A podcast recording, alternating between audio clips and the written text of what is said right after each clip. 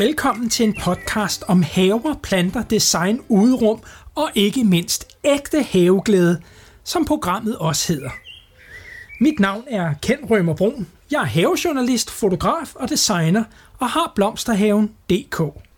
I denne podcast ser jeg tager det med rundt i vores dejlige land, hvor jeg besøger forskellige haveglade folk og deres små som store haver.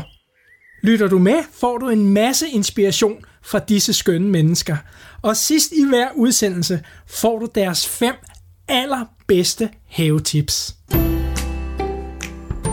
Nu er jeg kommet ind i en have, der er ganske tæt på, hvor jeg selv bor. Og jeg åbner døren ind. Altså, det er jo ikke en dør, det er jo en port, der åbner op ind til, ja, det er et paradis. Det ligner et paradis, det her. Det skal forstås på den måde, at her sidst i september er der en frodighed alle vegne. Jeg ser krydderurter langs huset, og jeg ser granit, og jeg ser stedsegrønne vækster, jeg ser haverum, jeg ser en have, som nogen elsker helt vildt. Og i denne her have, der er det egentlig tanken, at jeg skal finde haveejeren, og hvor må han er henne et sted. Og han er jo lige der. Hej med dig, Ken. Hej Ip. Tak for, at du vil se mig i din have. Med stor fornøjelse. Jeg hedder Ip Tolstrup, og jeg har boet her længe, og jeg er rigtig glad for at have kendt, og I alle sammen på et medhør her under besøg i min have. Jeg glæder mig til det. Det er så spændende. Du har jo en fantastisk have. Ja, det synes jeg også selv, men der må være mere, vi kan gå i detaljer med om den. Men altså, denne, jeg har jo boet her i, i lang tid, og er meget, meget glad for hver morgen at komme ud i haven og se lys og skygge og blomster og farver og bier og høre fuglene, mærke duften fra mosen, som ligger lige hernede. Ja, for vi befinder os jo faktisk i Hjortespring, skråstreg, bagsvær, lige på grænsen. Er det ikke rigtigt? Det er helt rigtigt. Det er lige midtvejs. Vi kan godt kalde det det ene, men også det andet. Men det er meget tæt på Fedtmosen. Ja, Fedtmosen, det er egentlig et lidt spøjst navn, var? Ja, men du kender godt fedet. Det er sådan et område, der går ud i en mose. Ja. Så det blev så til Fedtmosen. Det var egentlig Fedmosen. Og den her så hed Fedmosen, så blev nabomosen til Smørmosen. Ah, og så har det ikke en dyt med smør eller fedt at gøre. Der kan man bare se. Men det er jo en oase, du har her.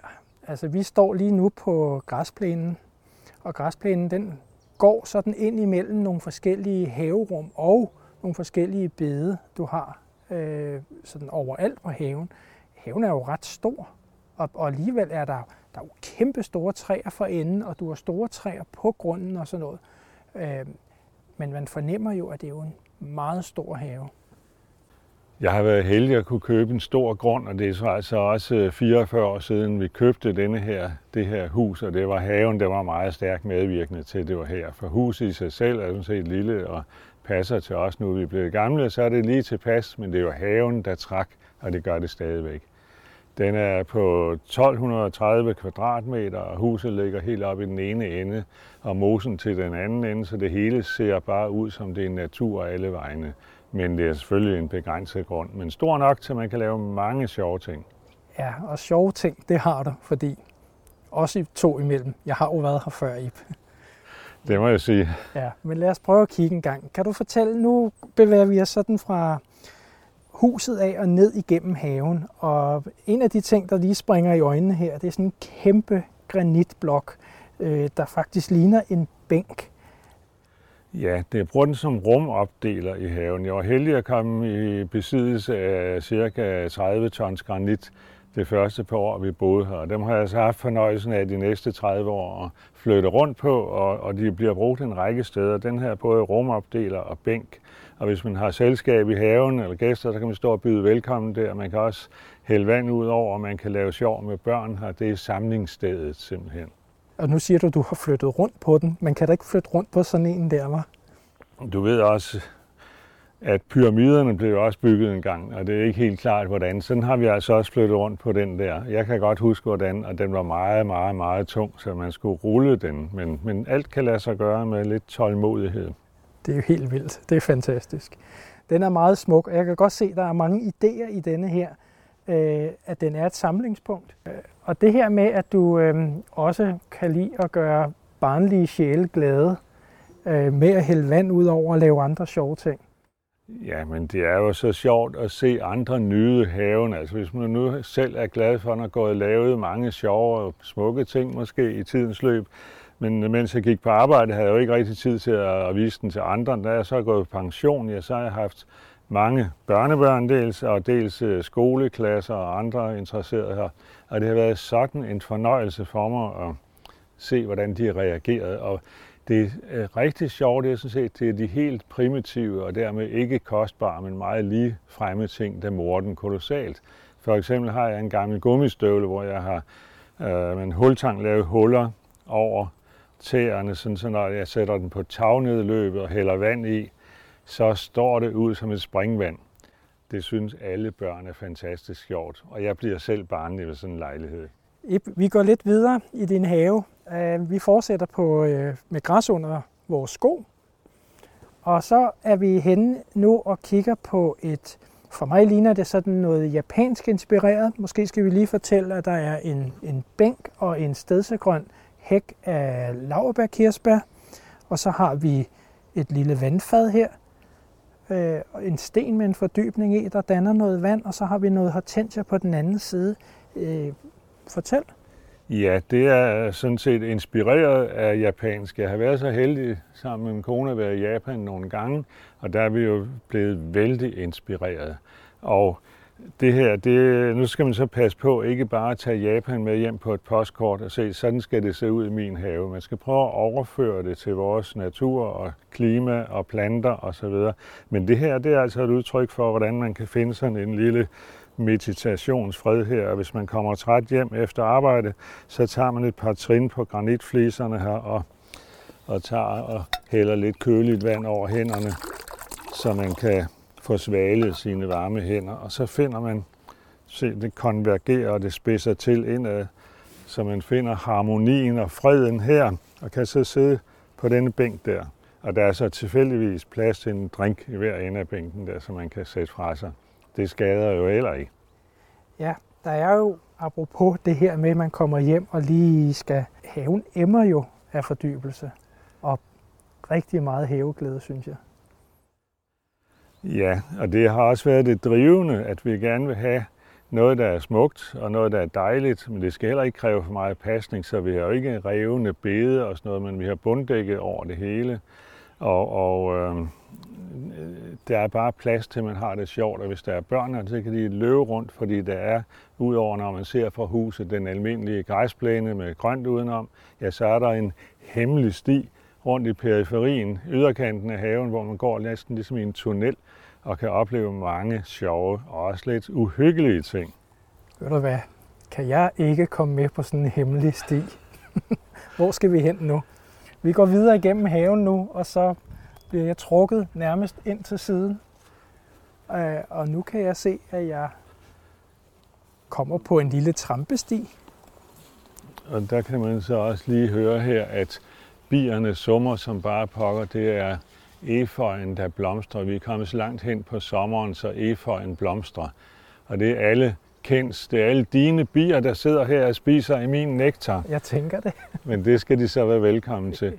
Du har tænkt på, at hvis det var får og heste, der gik ind i naboens have, så vil man lave ballade. Ja. Men bierne er velkomne, og man synes at det er dejligt at høre på. Ja. Men se, hvor de sidder. Ja, det er jo helt vildt. Jeg ved ikke, om man kan høre dem her på mikrofonen, men øh, der er bier over det hele her. I sådan en blomstrende eføj. Og så er der masser af spindelvæv, så jeg holder lige hænderne oppe. Ja, og nu bevæger vi os mellem en hæk og en stedsegrøn øh, beplantning. Det er jo tuja, det her. Men Ken, kald det der en hæk en gang til. Det har jo ikke noget med en hæk at gøre. Det er en faskine, altså en række pæle, hvor jeg puttet grene og affald, øh, haveaffald ned imellem, så det danner højde. Og op ad det gror klematis og caprifolier, så det bliver en, en, en levende plantemur. Og alt, hvad vi klipper af i haven, det kommer enten i kompost, eller også lægger man bare ovenpå her. Så en kvæshæk? En kvæshæk kan man godt kalde det. Ja. Alle de større grene og så videre, de kommer på her. og så gror det til, og så formuler det. Og nede under neden, hvis man får master sig til at grave, så ligger der frøer, og, altså tusser og frøer og snoge og så videre overvintrer dernede. Det er en god idé at bruge havens forskellige materialer til eksempelvis en kvæshæk. Det giver ly for smådyr og kryb, og bidrager også med struktur til haven, hvor det blandt andet kan bruges i form af opdeling af haverum. Jeg funderer over, hvor Ibs haveinteresse må kommer fra. Ja, nu vil jeg jo ikke påstå, at jeg kan huske tilbage fra, at jeg var helt spæd, men jeg kan i hvert fald huske fra, at jeg var sådan 5, 6, 7 år. Og nu er jeg så rundet de 75, kan jeg tilstå, så jeg har været haveinteresseret i cirka 70 år. Til at begynde med, det var fordi, vi havde en landbohave, og jeg kan huske det aller dejligste i verden. Det var, når solen skinnede, ud og plukke modne hindbær, og så vælge nogle søde ærter, og så spise ærter og modne hindbær sammen. Der tror jeg, at min første haveglæde stammer fra.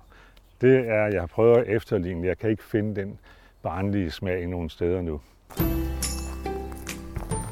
Vi er nået ned i bunden af haven nu, eller bund og bund. Vi er vel egentlig kun sådan to tredjedele nede, eller hvad? Ja, noget i den stil. Fordi det er sådan det overskuelige, vi nu har tilbage, altså vi kan se tilbage på. Der går så forskellige stier ind her.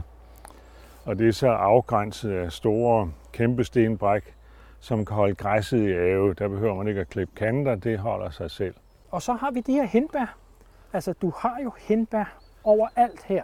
Ja. Er det så fordi, at du havde dem dengang, du var barn? ja, lad os sige det. Det ved jeg jo ikke, om det er, men, men de er faktisk ret gode her. De blomstrer og giver bær lige til det sidste her i sen september, så de er så lækre at have, og de er også nemme at have. Vi klipper dem ned en gang om året, og så kommer de igen. Må man smage? Meget gerne, værsgo. Og nu plukker jeg altså et hindbær, et fuldstændig knaldrødt hindbær. Og... Ja. Nej, det smager altså dejligt. De er solmodne. Mm. Og så ser vi så igen, du har nogle granitsøjler med en jernstang på tværs, og så har du i midten boret et hul i en granitsten og sat en stang igennem. Og så hænger denne her her, og så den gynger, hvis du sparker til den eller skubber til den. Hvad er det her for noget? Du kan godt se, det granit det stammer fra Bornholm, og det er altså Bornholmerne, der har boret hul igen for at sprænge klippen løs der. Og jeg har så taget den med hjem. Det fortæller et stykke Bornholms oksekød over en grill, og du kan se, det er så varmt, så det drøber ned fra den. Den runde sten, den er drøbet ned fra varmen fra den store sten derovre. Bornholmsk oksekød på grill. Sådan. Ja, vi går videre ned, og nu bliver der lidt hulestemning igen. Altså, der er virkelig mange haverum her. Vi drejer ind til venstre og har nu henbærende bag i os, og så har vi, jamen, det ligner sådan styret vildskab, Ip. Det kan man sige, det er. Det er der meget af det, der er, men det er den norske have, altså lille aflukke her, hvad er det, 20 kvadratmeter, 25-30. Det er så indkredset af sådan en, en øh, af, af rafter, der står skråt op, ligesom en norsk eller svensk hegn.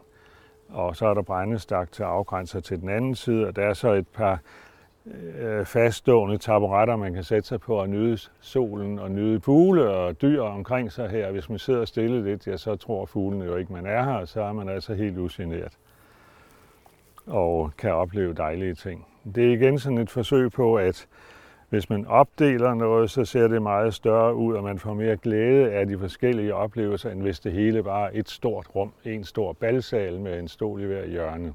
Der er der ikke meget at hvile øjet på. Der er mange forskellige facetter her. Du kan også se, at der er en sten, der går op der. ja, altså her, det her lille øh, lukkede haverum, det norske haverum, du giver simpelthen din haverum navne, kan jeg forstå. Ja, det gør jeg. Det er ja. sådan ud fra inspiration, og det er ligesom det japanske, så er jeg heller ikke sikker på, at en nordmand vil genkende det og sige, det er jo Norge det her, men, men øh, det er altså inspiration derfra, vil jeg så påstå. Så jeg kan se det. Jeg, vi vi jeg, kan se det jeg ser, hvor hen af inspirationen kommer fra. Jeg kender nemlig godt de her hegn, både fra Sverige og fra Norge, ja, ja. men især det her med øh, plantebelægning på et stykke halvtag. Ja. Øh, det, det, for mig der er det jo en bjælkehytte, det her. Ja, men det er også der, inspirationen er fra. Jeg, jeg begyndte at have lyst til at få grønt tag på garagen, og så tænkte, jeg må hellere lave et lille forsøg for at stige op på toppen af garagen.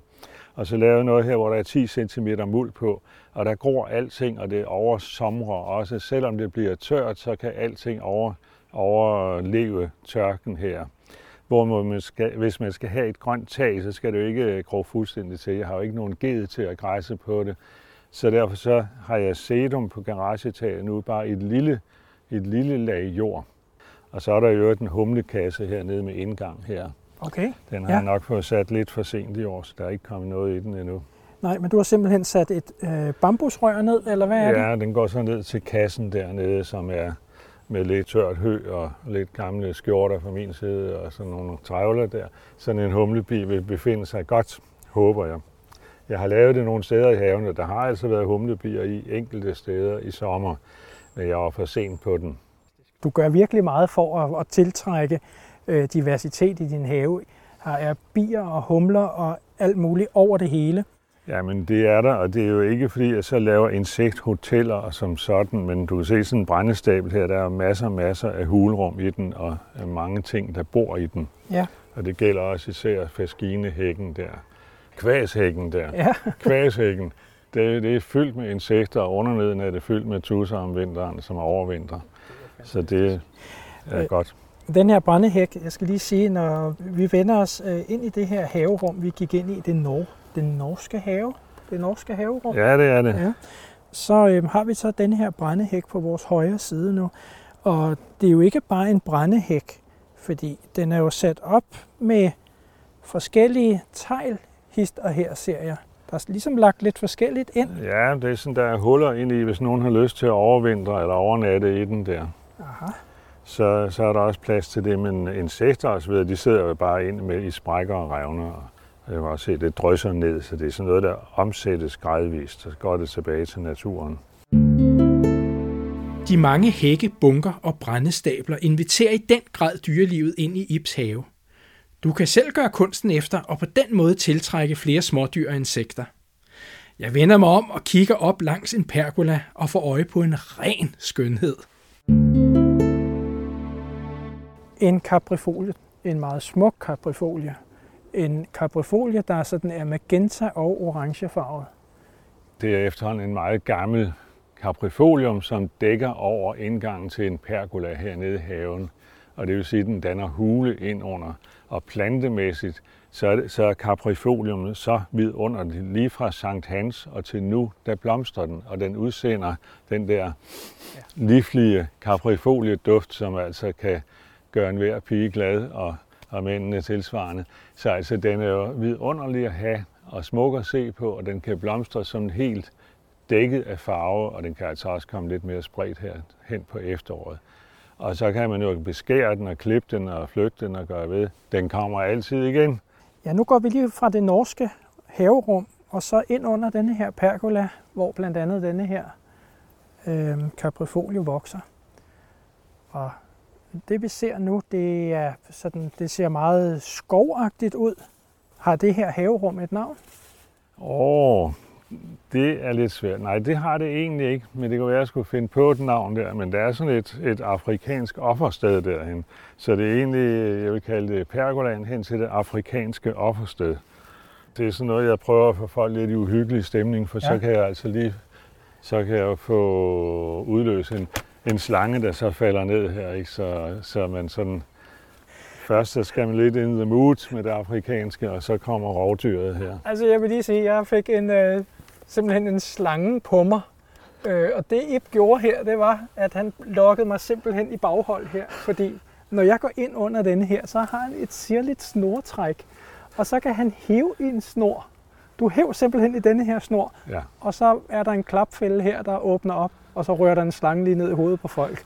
Det, den har jeg ikke set før. Det var sjovt. Men den er også anstrengende, når man har børnebørn på besøg. De vil prøve den igen og igen, så man er nødt til at stå her i fem minutter.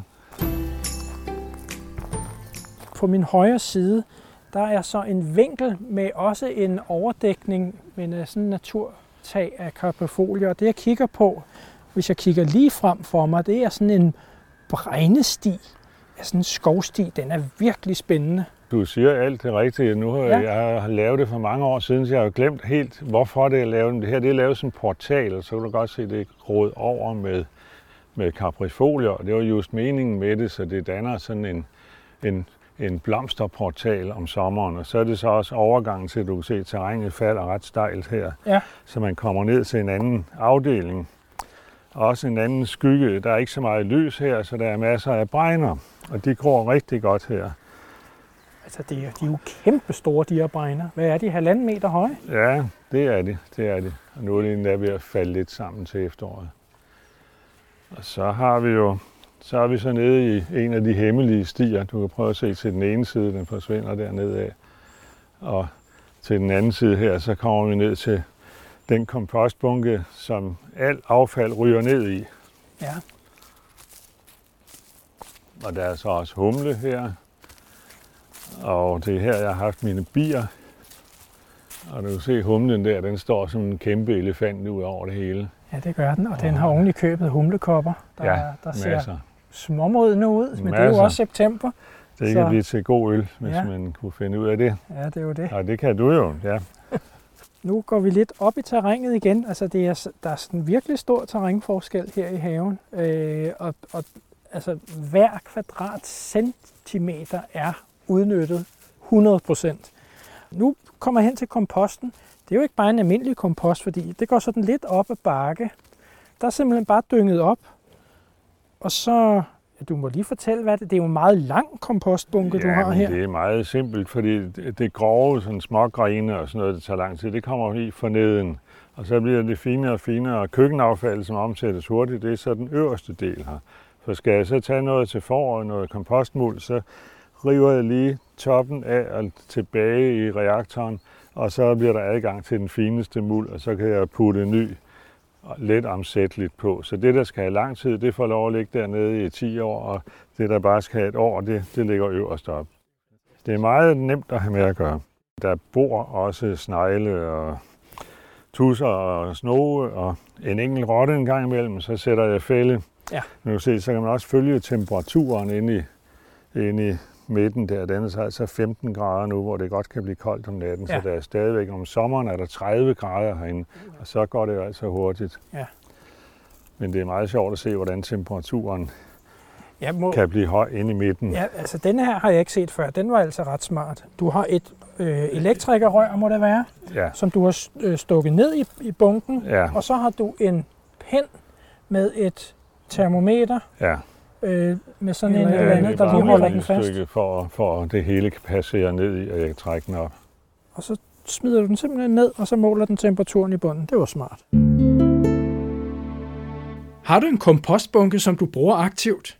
Kompost er et af de vigtigste elementer for en frodig og levende jord, hvor planterne trives, de bliver sunde og stærke, og dermed holder skadedyr og sygdomme på lang afstand. Og det har Ib helt styr på. Mens vi går videre af små hyggelige stier, tænker jeg på, hvilken havestil Ibs have egentlig har. Min havestil kalder jeg inspirationsstyret, fordi det er jo ikke bare én stil, men der er noget gennemgående. Det er det organiske, at man ikke skal smide noget ud, og at tingene skal have lov at stå i lang tid, og, og det skal sådan passe ind i helheden. Så det er øh, stadigvæk at lade sig inspirere, men hele tiden have helheden for øje. Vi er nået ned til bunden af haven, og der står et enormt stort fyretræ. Og det er virkelig højt, og selv her er der fuglekasser, for det er jo fuglekasser. Men den øverste deroppe, det må da også være det, man kalder en ulekasse. Den var fra starten en ulekasse, og der var to uler i den en vinter. Men siden har vi ikke set ulerne, men så har bierne overtaget kassen, så nu er det en bikasse. Og den sidder i 9-10 meters højde, så jeg må slet ikke kravle så højt op for min kone. Og det vil sige, de hygger sig selv deroppe og overvinter, og hvis de dør om vinteren, så kommer der en ny sværm til næste sommer. Så ja, det var tænkt som en ulekasse, og det var en træ- træklatrer, der var op og sætte den op. Men ulerne er altså smidt på porten af bierne, så nu er det en bikasse. Men øh, diversitet er der jo. Nu er vi gået at en af de hemmelige stier, oppe helt fra bunden af haven, eller nede fra bunden af haven, jeg ved ikke, man siger op eller nede, men øh, vi bevæger os i hvert fald af en hemmelig sti og kommer forbi igen bunker med, med, med kvæs med det her. Det er jo sirlige bunker. Altså, det, jeg må lige høre lidt om det her. Ja, det der, det er alt det, jeg klipper af nødebuskene, nødetræerne om vinteren. Det er jo sådan pæne lige skud på en meters længde. De bliver så lagt i bunker, det har jeg så gjort i mange år, og fået sådan et stråtag ud af det, lavet af nøde, nødeaffald. Og der igen er der masser af insekter og ting, der kan bo ind i, og tusserne kan bo under neden, fordi der er dejligt. Det virker som tag, så vandet slipper aldrig ned igennem der. Og så er det jo også lidt kønt at se på. Det er grafisk smukt at se på. Det er jo lige noget for mig. Tilsvarende det her, der går jo aldrig noget ud af vores egen have, hvis naboerne drister sig til at smide noget ud af deres have, så kan jeg jo også få lov til at hente grenstykker og så videre, stammer, hvis de nu bare skal det smidt ud alligevel. Og det kan jeg så bruge for eksempel til det her, jeg lige sætter det op, sådan, så det giver lidt, lidt variation i haven her. Og igen, så kan der leve masser af insekter, og der kan være noget, der gemmer sig bagved og så videre nede på jorden. Så det er godt at have meget, meget variation. Igen, den store boldhal, hvor der kun står en stol ved hjørne, den er kedelig. Der skal være mange detaljer. Og det er der med her. Ja. Det er helt vildt. Du kan også se ind i naboens have. Det er fuldstændig samme stil derinde. Altså det, det, det snød mig, da vi kom gående. Fordi jeg, jeg kommer gående og ser, okay, du har simpelthen skåret hul i det her hegn. Men det er simpelthen spejle, der er hængt op. Det, det giver virkelig en sjov virkning, det her. Det er så flot. Altså, du er virkelig kreativ. Det er du, Ip. Tak skal du have. Ja, men altså, jeg skal jo have tiden til at gå med noget. Og vi kommer forbi nogle, øh, det er vel dem, der hedder bronzeblad. Det bronzeblad, her. ja. Ja, øh, bregner og bronzeblad, afløb, ja. eller bregner bliver afløst af bronzeblad her. Ja. Virkelig god effekt også. Øh, bronzebladet er meget flittig og kan også overleve til både tørke, og den har en kæmpe kartoffel under jorden. Den, den gemmer sin næring og fugt i, så den kan klare hvad som helst, og breder sig altså også gerne, men øh, så får den med saksen jo. Ja, den er, den er, den er smuk og en dejlig variation. Bronzebladet ligner jo lidt kastanjebladet. Det gør det. Meget, meget. Meget smuk. Men den bliver altså aldrig højere end en halv meter der. Se, så går vi igen hen her og så er det, at, at lige pludselig det er ejendomligt her, det kan lige pludselig blive, blive regnvejr, selvom solen skinner. Altså det Ip gør nu, det er, at, at han tvinger mig simpelthen under en, er det en hassel det her, det tror jeg. Ja, det er en hassel. Øh, og der er ligesom lavet et haverum, ligesom sådan en boble, jeg står inde under. og så har jeg Ip hængt en vandkande med vand op og et snortræk. Så lige før, der hæver han igen i en snor, og så blev jeg våd. Tak for det, Ip.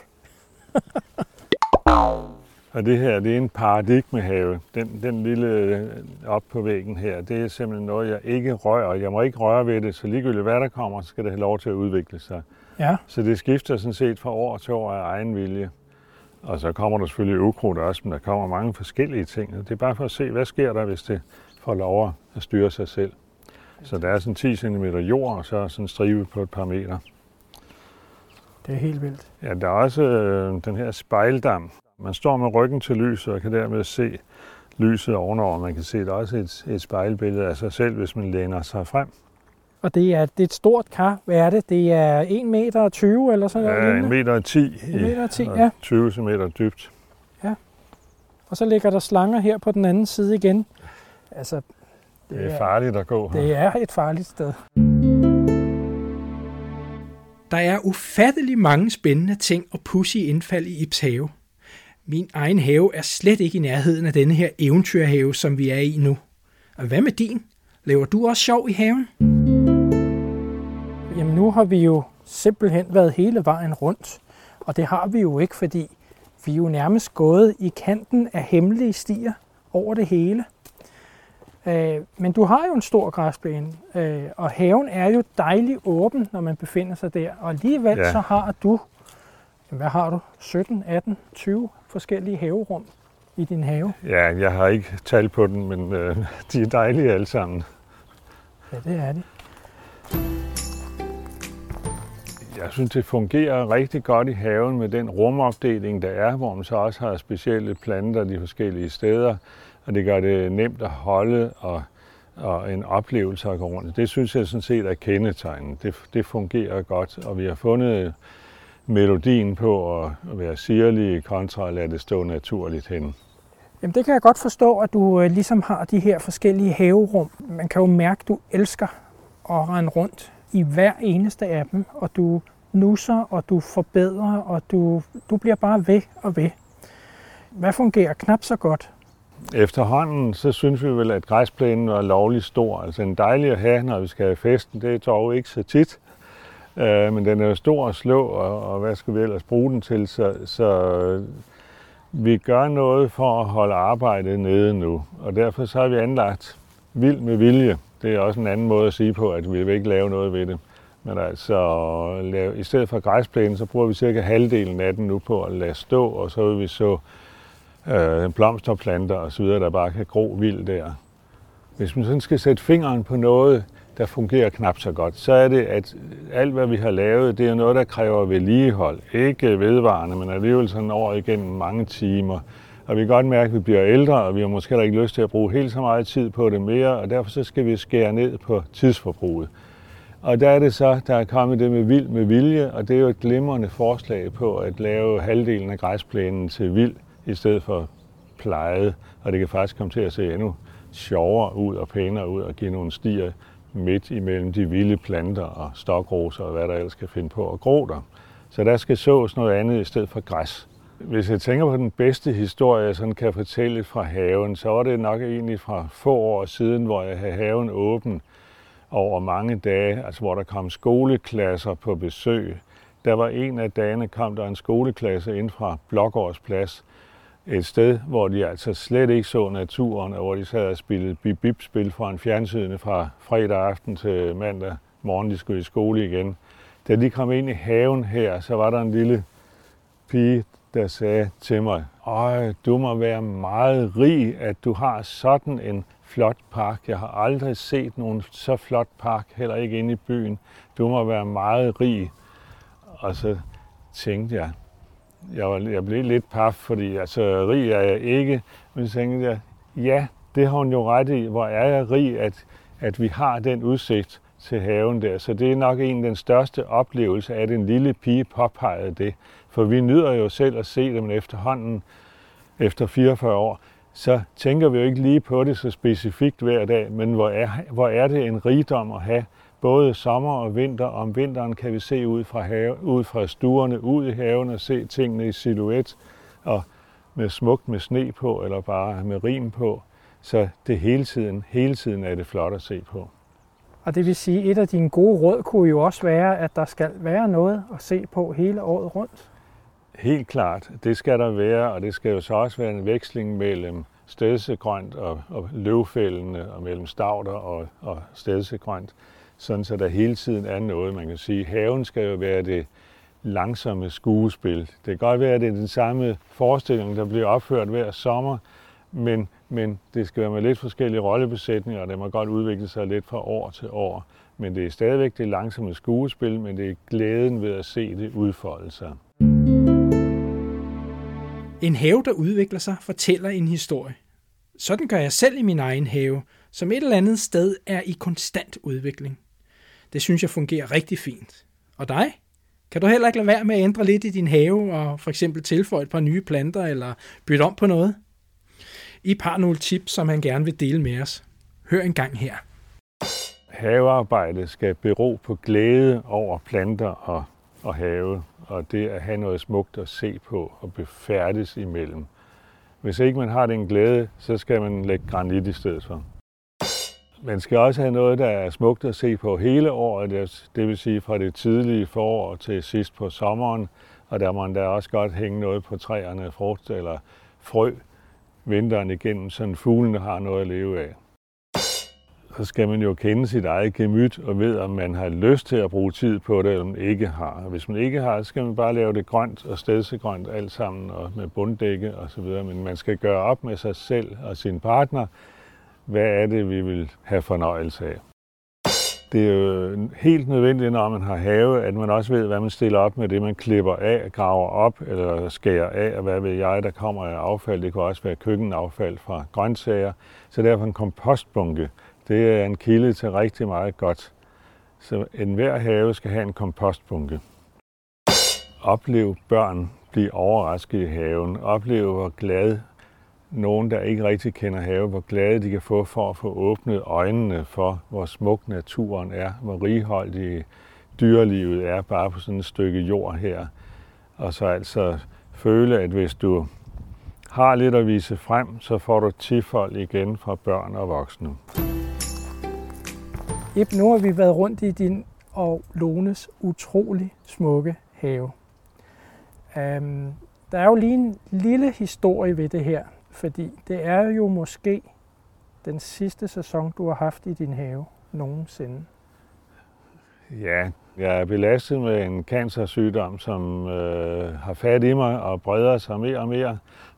og lægerne vil ikke sætte tidshorisont på mere, hvor lang tid jeg har igen. Og det kan være det samme, så jeg lader som om, jeg har langt igen, og derfor planlægger jeg jo stadigvæk i haven, og det vil jeg gøre ligegyldigt hvordan, og det er jo med til at, at gøre livet dejligt. Men altså, jeg kan jo ikke lade være med at se på den og tænke, kan jeg vide, om jeg får for at opleve her også. Det vil jeg gøre, hvad jeg kan, men jeg skal ikke være sikker på det. Og det giver jo selvfølgelig lidt vemodig stemning, men også en kolossal glæde over det, jeg så har haft og stadigvæk har.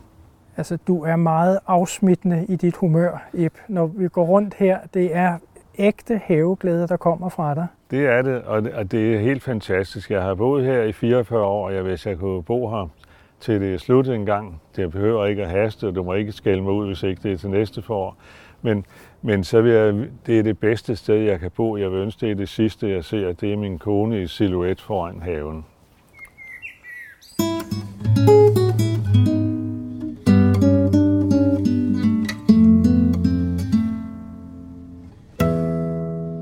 Ib nåede desværre ikke at opleve foråret. Jeg vil med varme hjertet tænke tilbage på alle vores hyggelige havesnakke om biodiversitet, og ikke mindst en helt ekstraordinær haveglæde.